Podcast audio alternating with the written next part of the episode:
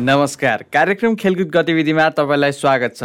म एसएन श्रेष्ठ खेलकुद गतिविधिको आजको अङ्क लिएर उपस्थित भइसकेको छु। यो कार्यक्रम हरेक शनिबार बेलुकी साढे छ बजेदेखि सात बजेसम्म radio Candid ninety two point seven mega हर्जमा सुन्नु सक्नुहुन्छ। साथै हाम्रो रेडियो क्यान्डिडको अफिसियल फेसबुक पेज हाम्रो रेडियोको website W W W dot radio Candid dot कममा र पोडकास्टमा समेत सुन्नु सक्नुहुन्छ।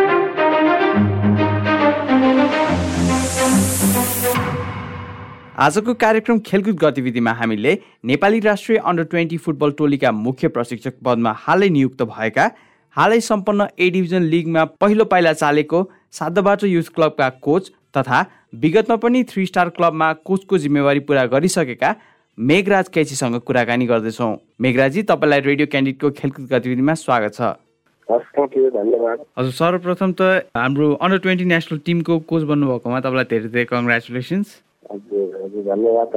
साफको लागि प्रिपेयर गर्ने सोच्नु भएको छ साफ अन्डर ट्वेन्टीको लागि। तयारी कस्तो हुँदैछ? अब त्यही त अब हामीलाई जस्तो अन्डर ट्वेन्टीको उताबाट के अरे साफ र एएफसीको लागि जब एन्फामा खबर आएपछि अब कुरा भएको कुरा भएपछि अब हामीले यस्तो छ फेरि यो बिचमा कोभिडको कारणले गर्दाखेरि हामीले एउटा भ्याकुम भइरहेको छ प्लेयरहरूमा किनभने तपाईँको योभन्दा अघिल्लोचोटि नाइन्टिन अन्डर नाइन्टिन खेलेको प्लेयरहरू चाहिँ यो भए त्यो प्लेयरहरूको इजले ध्यान थियो।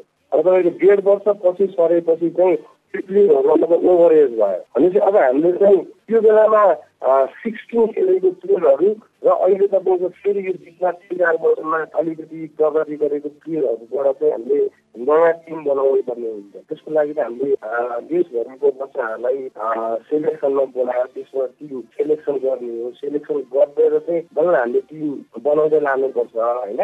अब हामीसित झन्डै दुई महिनाको टाइम छ। दुई महिनाको टाइममा चाहिँ हामीले अब अर्को हप्तामा अर्को हप्ता चाहिँ खेलाडीहरूलाई सेलेक्सनमा बोलाएको छौँ। तर एक हप्ता चाहिँ हामीले प्लेयरहरूलाई प्लेयरहरू सेलेक्सन गर्नको लागि चाहिँ एक हप्ताको टाइम छुट्याएको छौँ र डेढ महिना चाहिँ हामीले टिम तयारीको लागि टाइम छुट्याएको छौँ। र यो बिचमा चाहिँ अलिकति अप्ठ्यारो चाहिँ फेरि के पनि आइलाग्यो भने अब यो त साफ र एएफसीले त फेरि नेपालको सिचुएसन चाहिँ स्टडी गरेर प्रोग्राम निकाल्ने त होइन।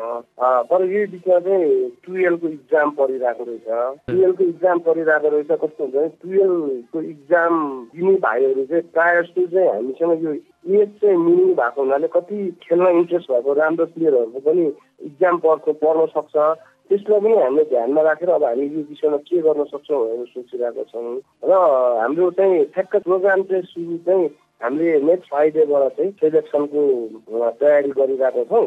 अहिले चाहिँ त्यसको लागि हामी लेटरहरू जिल्लामा क्लबहरूमा सबैमा चाहिँ हामीलाई चाहिने जस्तो प्लेयर जसको एज मिल्छ त्यो प्लेयरहरू चाहिँ कन्टिङको यो अन्डर ट्वेन्टी नेसनल लागि चाहिँ पठाउनु भनेर रिक्वेस्ट लेटर पठाएको छौँ र हामी चाहिँ त्यस त्यसमै लागिरहेको छौँ। जिल्लाबाट नै ओपन ट्रायल यो कन्सेप्टबाट हामीले प्लेयर सेलेक्ट गर्दैछौँ होइन। यो चाहिँ कति प्रभावकारी हुन्छ जस्तो लागिरहेको छ तपाईँहरूलाई? प्रकारले हाम्रो यो कोभिडको कारणले गर्दा यो यो टाइममै भइदिएको भए चाहिँ हामीलाई प्लेयर सेलेक्सन र त्यसको लागि हामीलाई त्यति साह्रो गाह्रो पर्दैन। किन रेगुलर फुटबल भइरहेको बेलामा प्लेयरहरू सबै हुन्छ। अब अहिले त यो डेढ वर्षको यो सरेको हुनाले तिनवटा लेभलको प्लेयरहरू एज कटिसकेको हुनाले चाहिँ अलिक गाह्रो र अप्ठ्यारो त छँदैछ। तर त्यसमा पनि यस्तो छ। एन्फाको एउटा तपाईँको जस्तो बाहिरबाट देख्दाखेरि जुन नेपालभरिबाट सेलेक्सन भनेर हामीले जसरी भनिरहेछौँ तर एन्फाको त एउटा आफ्नो सडचालिसवटा जिल्लासँग एउटा आफ्नो कोच राखेर उनीहरूले जिल्लामा ट्रेनिङहरू गरिरहेको हुन्छ। अनि त्यहाँपछि हाम्रो एडिसी क्लबले आफ्नो ए डिभिजन खेल्दा बी डिभिजन खेल्दा टिम तयारी गरिरहेको हुन्छ। त्यसमा चाहिँ हामीले सबै जिल्लाको कोचहरू र एबिसी क्लबहरूलाई चाहिँ हामीले के रिक्वेस्ट गरेको छौँ भने अन्डर ट्वेन्टी खेल्नको लागि फिट हुने खाले मात्रै प्लेयरहरू अलिक रिकमेन्ड गरिदिनु होला भनेर भनेर पठाएको छौँ।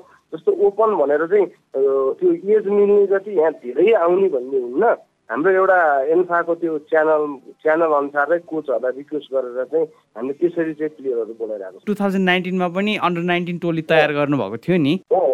अब त्यो बेलाको च्यालेन्जेस र यो बेलाको च्यालेन्जेस कम्पेयर गर्दाखेरि चाहिँ कुन चाहिँ अलिक धेरै टफ लागिरहेछ त तपाईँलाई? त्यस्तो छ हेर्नुहोस्। त्यो बेलामा गर्दाखेरि हामीसँग एक प्रकारको टिम चाहिँ रेडी थियो र त्यसलाई हामीले तयार गरेर खेल्न लग्यौँ र यति हो कि त्यो बेलामा हामीले फाइभ दिने टिमहरू भने चाहिँ हाम्रो नेपाली फुटबलको लेभलभन्दा अलिकति माथिल्लो लेभलको टिमहरू चाहिँ खेल्नु पर्थ्यो भने यसपालि चाहिँ के भने हामीले चाहिँ जिरोबाट टिम तयार गरेर चाहिँ तर खेल्ने अपोनेन्टहरू चाहिँ फेरि हाम्रो लेभलभन्दा त्यति माथिको छैन। जस्तो साथमा भन्नु पर्दाखेरि प्रायः सबै हाम्रै लेभलको हो। है अनि त्यसपछि एउटा एएफसी कपमा गएपछि पनि दुईवटा कन्ट्री चाहिँ हाम्रो लेभलभन्दा अलिकति माथि छन् भने अरू कन्ट्री त सबै फेरि हाम्रो लेभलको हो नि त। अब यसपालि चाहिँ अलिकति टिम तयारीको लागि चाहिँ अलिकति हामीलाई गाह्रो हुन्छ। तर खेल्ने टिमको अपोनेन्टको लेभल चाहिँ हाम्रै लेभलको जस्तो छ र अन्डर नाइन्टिन टिम हामीले इरानमा लगेर खेल्दाखेरि चाहिँ हामीसँग टिम थियो हामीले तयार गर्नलाई हामीलाई त्यति धेरै गाह्रो परेन तर खेल्ने अपोनेन्टहरूको लेभल चाहिँ हामीभन्दा निकै नै उच्च उच्च स्तरको थियो। भनेको अब यो हाम्रो साफ अन्डर ट्वेन्टीमा जुन हामी मालदिव श्रीलङ्का इन्डिया र बङ्गलादेशसँग खेल्दैछौँ यी हाम्रो अपोनेन्ट टिमहरू भनेको चाहिँ हाम्रो लेभलकै टिमहरू छन्।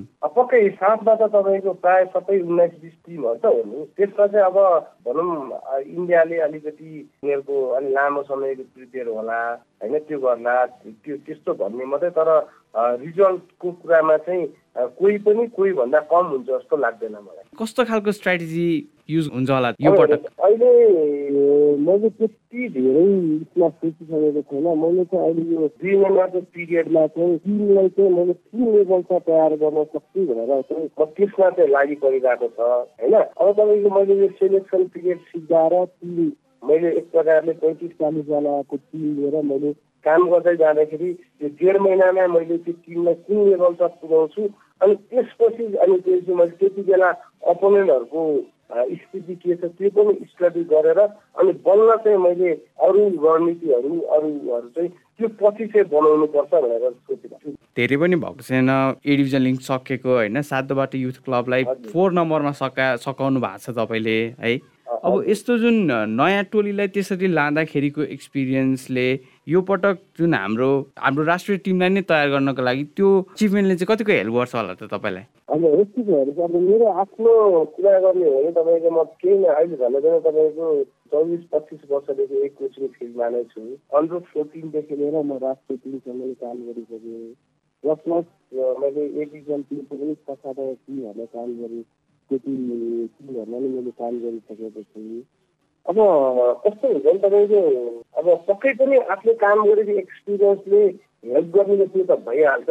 र अर्को सबभन्दा ठुलो कुरो के हुन्छ भने फुटबलको तपाईँको कुन कुन समयमा चाहिँ हामीले टिम तयार पारिरहेको? छ जस्तो हामी त रेगुलर फुटबल भइरहेको बेलामा हामीले टिम तयारी गरेर काम गर्नलाई र पर्फर्मेन्स आधारमा पनि अलिकति बढी राम्रो हुन्छ भने तपाईँको फुटबलको तपाईँको सिजन नचलिरहेको बेलामा प्लेयरहरू लिएर काम गर्दाखेरि चाहिँ अलिकति टिमको लेभल चाहिँ अलिक कमै हुन्छ। होइन जस्तो अहिले अहिलेको मैले भर्खर जितेको कुरा गर्नु पर्दाखेरि सातोबार टिममा चाहिँ मैले प्रायः युङ प्लेयरहरू लिएर यति चाहिँ अरू भन्दा अलिकति लामो समय चाहिँ मैले तयार पारेको थिएँ। तर फेरि त्यसमा भन्दा यसमा अलिक एडभान्टेज चाहिँ के छ भने त्यसमा मसित लिमिट क्राइसिसहरू मात्रै थियो भने यो राष्ट्रिय टिमको कुरा आउँदाखेरि म त्यो मसित त क्राइसिस त धेरै हुन्छ नि त। कमसे कम पनि मैले विचार गर्दाखेरि यो सेलेक्सनमा दुई सयजना जति प्लेयरहरू आउँछ भने त मैले दुई सयजना प्लेयरबाट चाहिँ सेलेक्ट गरेर टिम बनाउने मौका पाएको छु भने तपाईँको क्लबमा काम गर्दाखेरि त तिस पैँतिसजनाको प्लेयरहरूबाट मैले टिम तयार पार्नुपर्ने हुन्छ।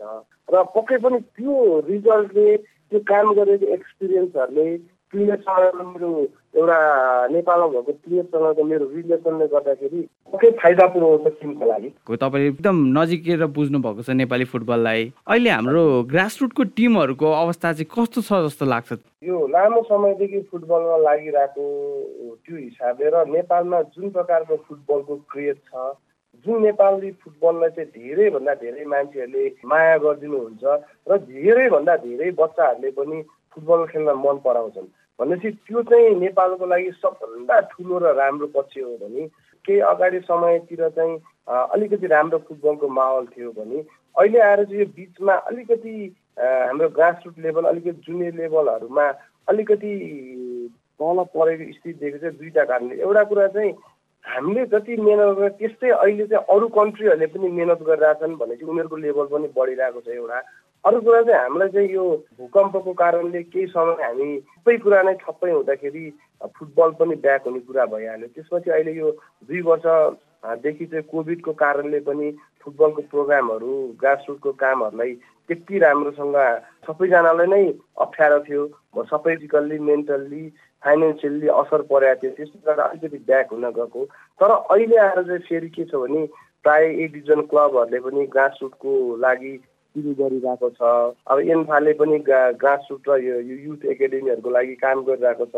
र धेरैभन्दा धेरै चाहिँ अहिले के पनि भएको छ भने एउटा एक्स प्लेयरहरूले कोचेसहरूले चाहिँ आफ्नै प्रकारले पनि ट्रेनिङ सेन्टरहरू चलाइरहनु भएको छ।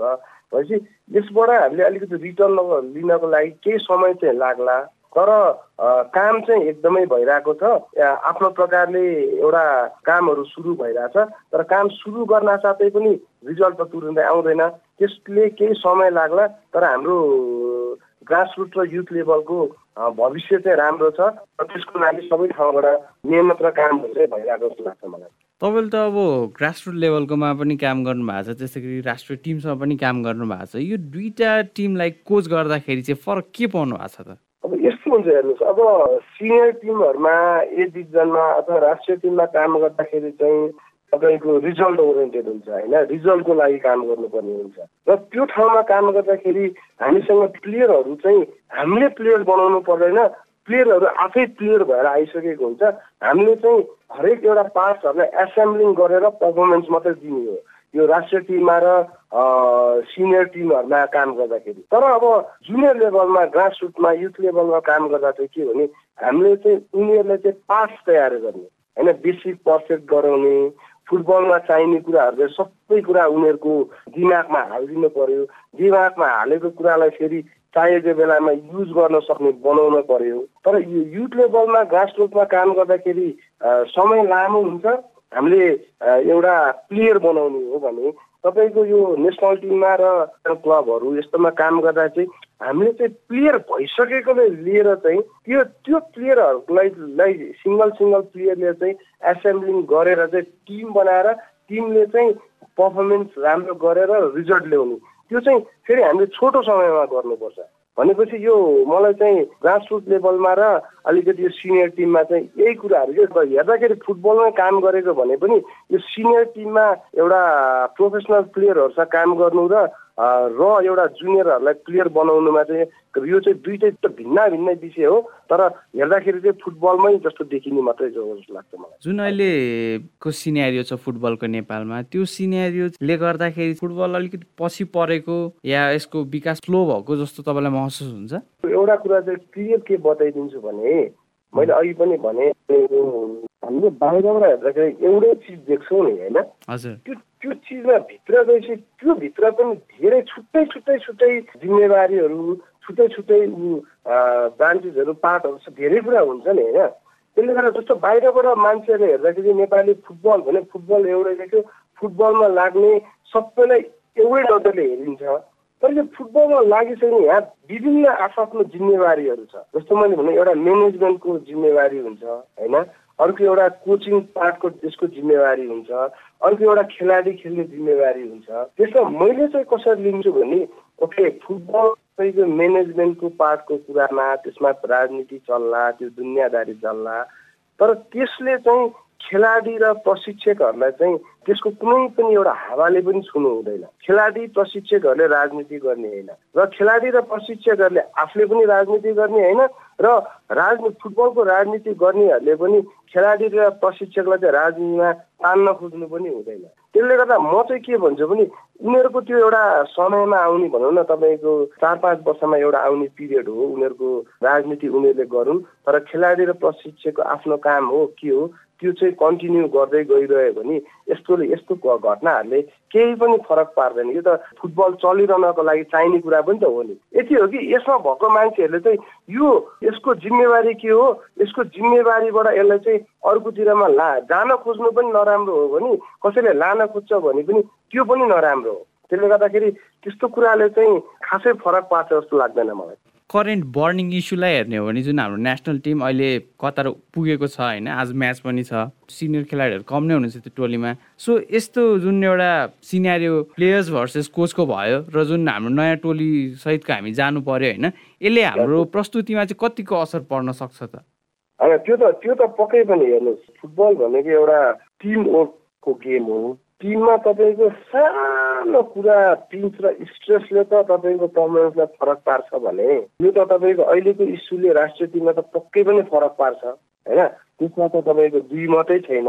एउटा कोचले एउटा भनौँ न एउटा क्लबले कसैले पनि टिम चाहिँ तयार पार्दाखेरि चाहिँ ध्यान दिनुपर्ने कुरा चाहिँ त्यो टिममा टिम वर्क छ कि छैन? जस्तो कोचकै काम पनि सानोभन्दा सानो तपाईँको प्रब्लमलाई चाहिँ त्यो सानोमा नै सल्युसन गर्नुपर्छ। त्यो सानोमै सल्युसन गर्न थाल्यो भने भोलि टिम तयार पार्दासम्म तपाईँको टिम त्यति स्ट्रङ र मजबुत हुन्छ होइन?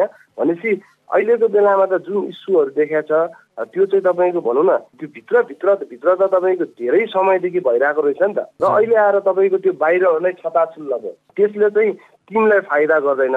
हो यसमा चाहिँ तपाईँको कसको को दोषी थियो त्यो भित्रको तथ्य कुरा के थियो भन्ने कुरा त त्यो त्यहाँभित्रै भएको मान्छेलाई नै थाहा हुन्छ। र मैले मेरो तर्फबाट व्यक्तिगत तर्फबाट भन्नुपर्दा चाहिँ म के भन्छु भने जिम्मेवारी भएको व्यक्तिहरूले सही समयमा सही निर्णय गर्न नसक्दाखेरि चाहिँ यो प्रब्लम आएको जस्तो लाग्छ। किनभने खेलाडीहरूलाई त एउटा त्यो टिम ह्यान्डल गर्ने मान्छेहरूले चाहिँ उनीहरूको स्ट्रेस कमभन्दा कम गराउन सक्नुपर्ने एउटा ग्राउन्डमा ट्रेनिङ गराउने र म्याचको बेलामा टच लाइनमा बस्नु मात्रै पनि त्यो ठुलो कुरा होइन। त्यो टिम तयार गर्दादेखि लिएर त्यो प्लेयरलाई को मेन्टल्ली फिजिकल्ली सबै कुरा तयार गर्नुपर्ने जिम्मा लिएको मान्छेहरूले चाहिँ सही तपाईँको काम गर्न नसकेको कारणले चाहिँ यस्तो भइरहेको हो कि जस्तो लागिरहेछ मलाई। प्लेयर्सहरूलाई जुन त्यो स्पोर्टिङ स्पिरिट हुन्छ त्यसले नै जित्नको लागि चाहिँ मद्दत गर्छ होला त? होइन यस्तो यस्तो छ। फेरि अब फेरि अर्को एउटा कुरा पनि मैले भने नि यो यो इस्यु हुनुमा चाहिँ तपाईँको जसले टिम ह्यान्डल गरिरहेको छ त्यो मान्छेले आफ्नो पर्फेक्ट रोल प्ले गर्न नसकेर यो भइरहेको हो होइन? यो यो कारणले गर्दाखेरि केही न केही अब असर पर्ला। तर त्यो भनेर फेरि कस्तो भने एउटा कोचले पनि आफ्नो केही सोचिरहेको होला। अहिले खेल्न जाने प्लेयरहरू पनि तपाईँको कुनै भर्खर ल्याएर चाहिँ भर्खर फुटबल सिकेर आएको प्लेयरहरू चाहिँ पक्कै पनि होइन। होइन हो? अहिले तपाईँको दसजना सिनियर प्लेयरहरू जान पाएको छैन। उहाँहरूलाई तपाईँको जुन प्रकारको अहिले घटनाक्रम भइरहेको छ तपाईँको एउटा प्लेयरहरूलाई राम्रोसँग समेट्ने राम्रो सबै गर्न नसकेको त्यो प्रब्लम आफ्नो ठाउँमा होला।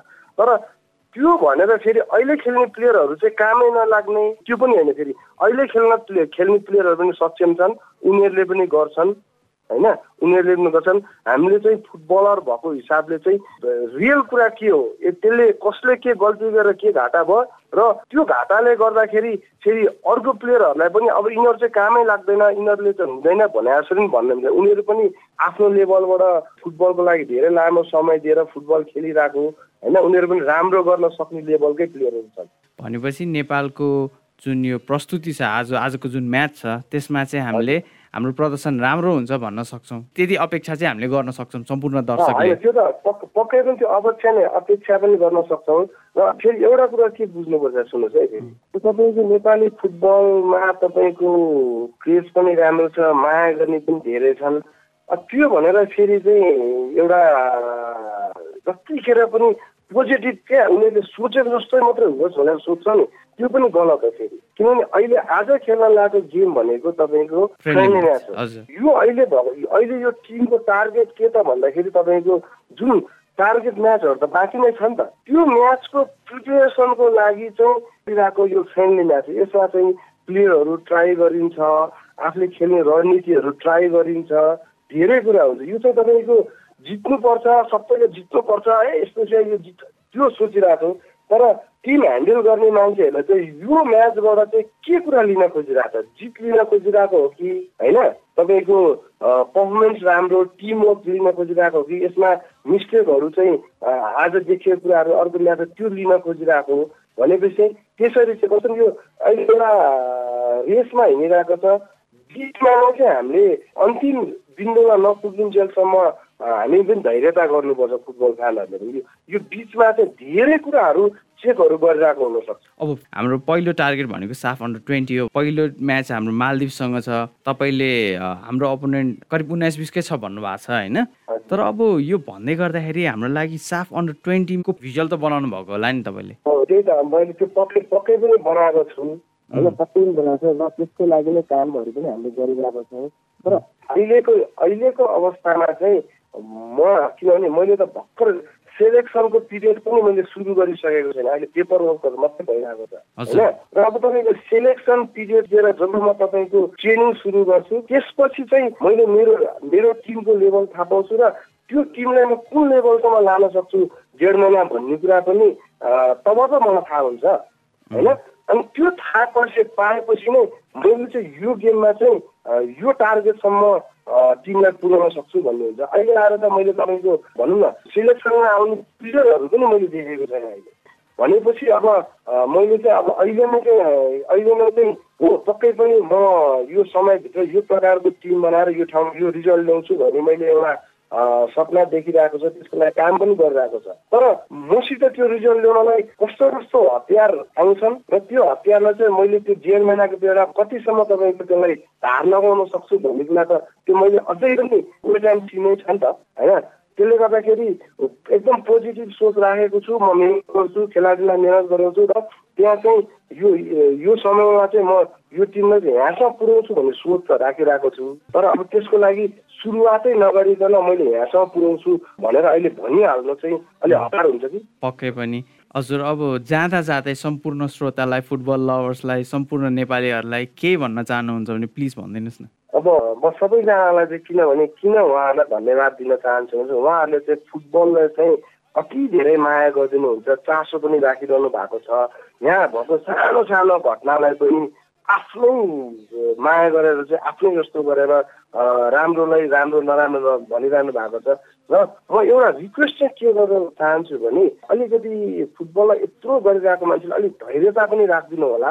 धैर्यता किनभने जे कुराको पनि स्टार्टिङ गरेपछि इन्डिङको लागि समय लाग्छ होइन? बिचमा नै तपाईँको हामीले चाहिँ धैर्यता गुमाएर चाहिँ अलिकति प्रेसर दिँदाखेरि स्ट्रेस दिँदाखेरि चाहिँ काम गर्ने खेलाडी होस् पछिको सबैलाई चाहिँ बिचमा अल्मिलिने अवस्थाहरू आइरहेको छ। त्यसले गर्दाखेरि कुन कुन लेभलको टुर्नामेन्ट खेलिरहेको छ त्यसमा टाइम ड्युरेसन कति छ भने चाहिँ धैर्यता राखेर पनि सपोर्ट गरिदिनु भयो भने चाहिँ अझै चाहिँ उहाँहरूको शक्ति पनि चाहिँ टिमले पाउँछ जस्तो लाग्छ मलाई। आफ्नो व्यस्त समयमा पनि हाम्रो कार्यक्रम खेलकुद गतिविधिको लागि समय निकालेर बोलिदिनु भयो त्यसको लागि धेरै धेरै धन्यवाद। हस् म पनि तपाईँहरूलाई धेरै धेरै धन्यवाद दिन चाहन्छु। मेरो केही शब्दहरू सबैतिर सेयर गर्ने मौका पाएकोमा।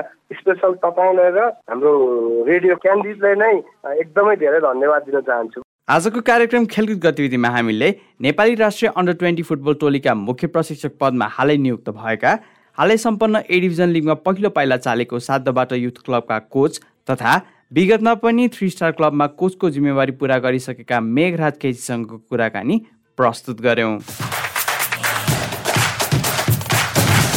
कार्यक्रमबारे तपाईँको सुझाव सल्लाह वा कुनै जानकारी भए फेसबुक पेज अथवा radio Candid ninety two point seven at the rate gmail dot कममा इमेल गर्नुहोला। उपयुक्त सुझावलाई हामी पक्कै ग्रहण गर्नेछौँ। कार्यक्रम सुनिदिनु भयो तपाईँलाई धन्यवाद। अवस्था अर्को शनिबार फेरि भेटौँला। प्राविधिक मित्र सृजना भुजेल र म एसएन श्रेष्ठ। बिदा हुन्छौँ। नमस्कार।